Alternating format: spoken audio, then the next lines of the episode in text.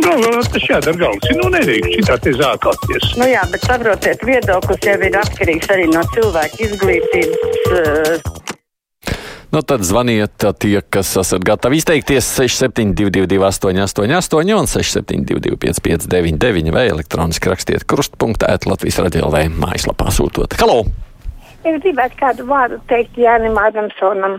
Visu mūžu cilvēks dzīvojis mīkstumā, nu tagad ir cietumā lai padzīvo, dzīves pieredze būs. Tā. Oh, skarbi jūs esat reizēm kā klausītāji. Eiropas futbola čempionāta grupas spēlēs var nopirkt biļetes lētākais par 30 vai 75 eiro atkarībā no tā, kurā valstī spēlē. Fināla mačā faniem ir par 95 eiro, bet lētākās parastās biļetes 295. Tas ir lētāk nekā Rīgā bija biļetes uz hokeju. Un nevar salīdzināt Eiropas čempionātu futbolā, kas ir ievērojami lielāks pasākums par čempionātu hokejā.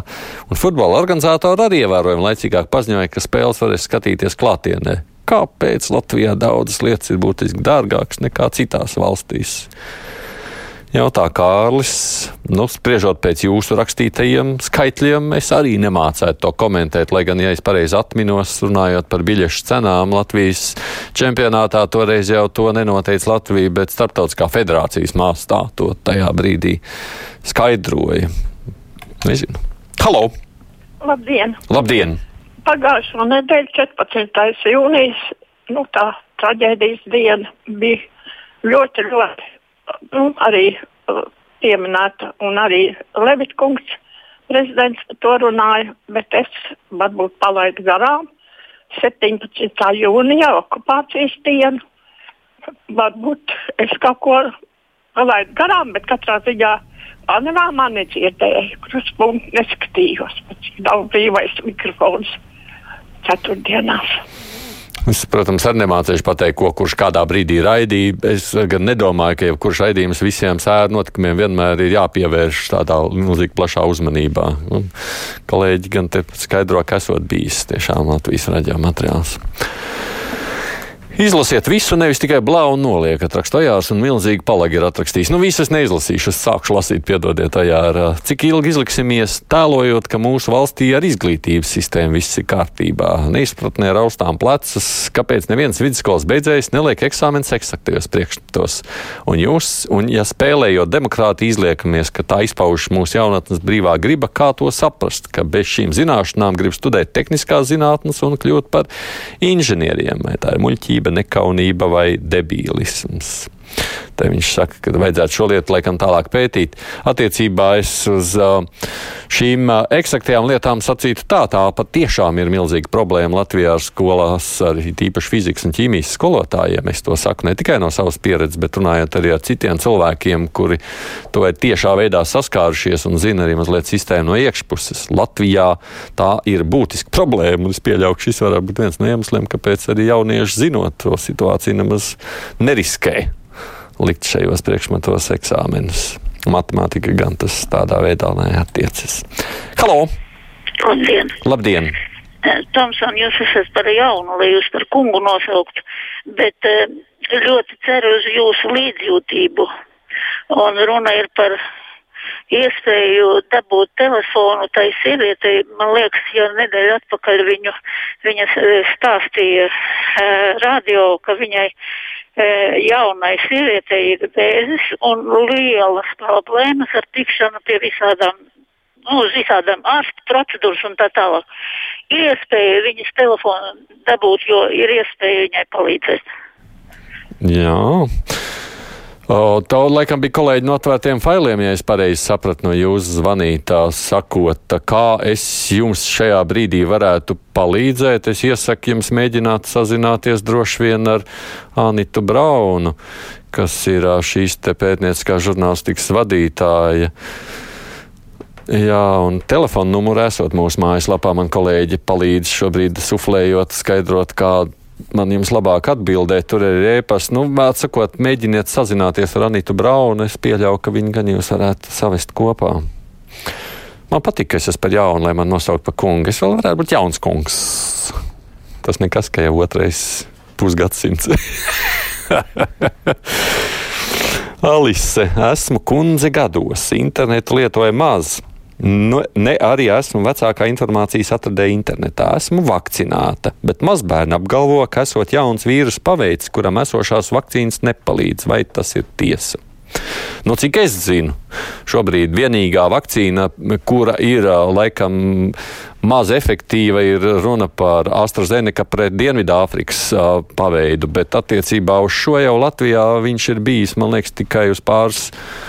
Es pat, man liekas, ļoti daži gadījumi tikai līdz ar to teikt, ka šobrīd par to būtu jābūt izsaka bažas nē, kas attiecas uz jauno šo paveidu, ko uh, nu, mēs saucam par delta vai indijas, kas tad satrauc gan Lielbritāniju, gan Krieviju. Uh, par to esošās vakcīnas darbojas tādā pašā veidā kā līdzinājās, tikai šis ir ļoti lipīgs vīrus, tāpēc nu, tur vismaz, ja es mācīju pareizi atbildēt, man ir tāda informācija. Halo! Labdien! Nu, mēs Labdien. priecājamies no vienas puses, cik mums silta vasariņa un kā mums covid samazinās, bet no otras puses, nu vai tad tā nav tīniska ņirgāšanās no valdības puses joprojām likt tos nožēlojamos uzpuņus nesāt tādā karstumā, tīpaši veciem slimiem cilvēkiem, kam astma, kam tāpat grūti elpot autobusā, tramvajā, visur jāvelk tās maskas, veikalā nevar iet. Nu, tā ir vienkārši cilvēku nīcināšana, īstākais holokausts. Lielākā daļa Eiropas valstu tas viss jau ir atcelts. Nu, nav gan. Ja jūs apskatieties to, kas notiek iekštelpās, es gandrīz nevienu valsti nezinu, kur ir atcelta šobrīd masku nēsāšana. Iemesls ir tikai tāpēc, ka nu, tā vakcinācijas aptver nav tik liela, lai mēs varētu būt droši iekštelpās. Un sabiedriskais transports neapšaubām, kurā cilvēki tuvumā atrodas ilgstāk, ilgāku laiku, nu, tur tā situācija ir pietiekoši riskanta.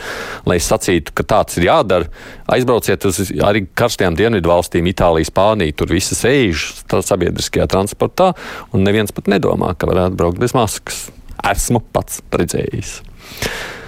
Aidi, vai tev ir komentāri par vakardienas masku dedzināšanu Mārupē, prasa Maira? Piedodiet, Maira, es redzēju ziņu, es redzēju virsrakstos, bet ne vairāk, tāpēc laikam šobrīd nebūšu tiesīgs komentēt. Halo! Halo. Jā, lūdzu! Man tomēr mieru nedod tie pagasta pārvalžu darba laiki. Es tā domāju, ka laikam Ogres novadā nav nopirkti tie kondicionieri. Šodien aizbraucu uz Lauberu 8. It kā jau 25 grādi tikai nebija ne 35, ne cik, bet durvis ir slēgtas. Vispār neviena nav, nevienas mašīnas, pilnīgi viss izmiris. Es pieņemu, ka nav to kondicionieru, ka viņi nestrādā. Cikos no rīta? Astoņos? Astoņu, astoņos, bet vai viņiem ir nu, darba laiks jau no astoņiem?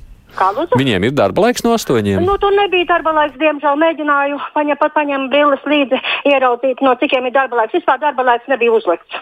Nu, cik es zinu, man liekas, vietvarās visās neviens no astoņiem vēl nestrādā, ja nav kaut kāda specifiska situācija. Man tā liekas. Tā kā iespējams, ka par agru esat atbraukuši 9, 10 vai ne, cik es zinu, lielākoties. Tomsona izskaidro tautai, kas ir nozadzis satversmes oriģinālu un kādēļ šī jautājuma sakarā privāti īpašumos ielaužas policija un cits cilvēks un traumē ar elektrību. Edgars arī sašuts par vakardienas mārupas notikumu, acīm redzot. Halo! Labdien! Labdien! Man divi jautājumi. No. Pirmais man ir ieteikums. Pirmais ir e, tā izbraukuma vakcinācija varētu notikt arī pie sociālajām mājām. Tur jau ir e, daudz iedzīvotāju un, un lielākoties e, pensionāri ar problēmu. Mm -hmm, mm -hmm. Gan Rīgā, gan daudz. Jā, varētu būt, jā. Un otrs jautājums ir, e, ogu lasītāji raizējās, ka nu, grūti ar darbiniekiem, ka nav kas lasa, bet var taču piesaistīt skolniekus, vai tur ir kādas problēmas, viņiem tie ir tie darbi no pašvaldībām, varētu arī pie, pie tiem saimniekiem.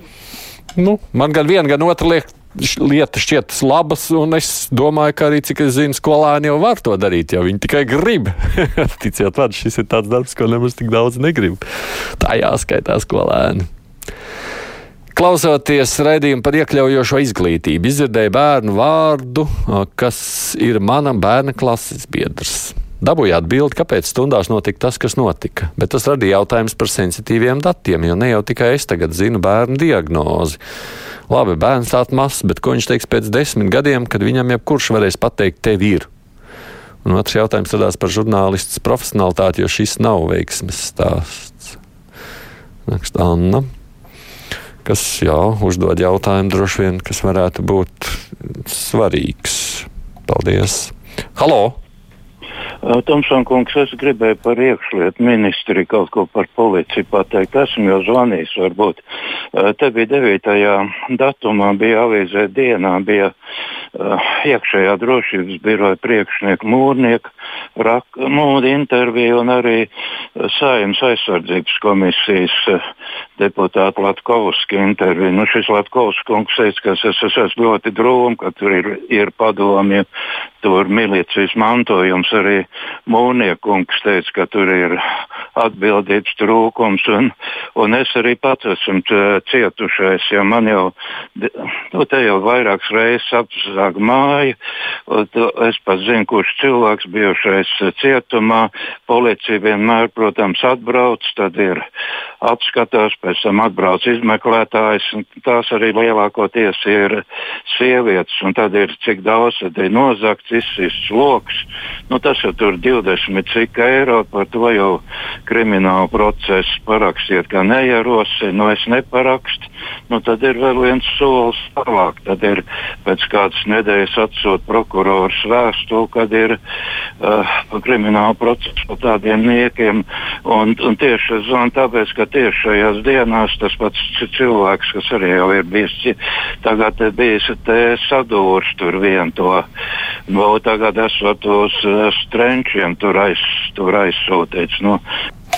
Jā, nu nevarēšu komentēt, laikam pats. Uh, Haidi atvadies manā vārdā no Daugopils Evaru un kompānijas. Es vasarā varēšu klausīties jūsu kruspunktā saturīgo daļu un negaidīt, kamēr beidzas lamāšanās čempionāts Edgars raksta. Edgar, jums jau viss iespējas arī ieslēgt radio vēlāk. Nebūs jāklausās tas, kas jums nepatīk. Vai taisnība, ka prezidenta pēc ordeņa saņemšanas kritizēt nedrīkst? Tā Šlesers runā raksta Roberto. Es avīzi saņēmu, bet es nelasīju to avīzi. Tā kā es nevarēšu pateikt, ko prezidents tur ir nokomentējis. Es domāju, necelvēs klausulu to es saku savukārt kolēģiem, ja mēs vairs nepaspēsim neko izzināt. Es vēl ar ātri pārlasītu, ko cilvēki te saka. Ivo skaidro, ka AstraZeneca esot 60% klīniskā imunitāte, man liekas, bija mazliet vairāk, un Pfizer ap 80%. Tā bija mazliet vairāk par Ķīnas vīrusu, Indijas paveidu. Tā rakstīvo, tur tie skaitļi patiešām ir līdzīgāki, bet no, tas tā tad nozīmē tādā ziņā, ka slimo bez simptomiem bet apmēram jau līdzīgi skaitļi bija vispār. Runājot par šo slimību. Ziņas, no nu, un pēc tam saruna mums lielajā intervijā būs lielā mērā par palietīvo.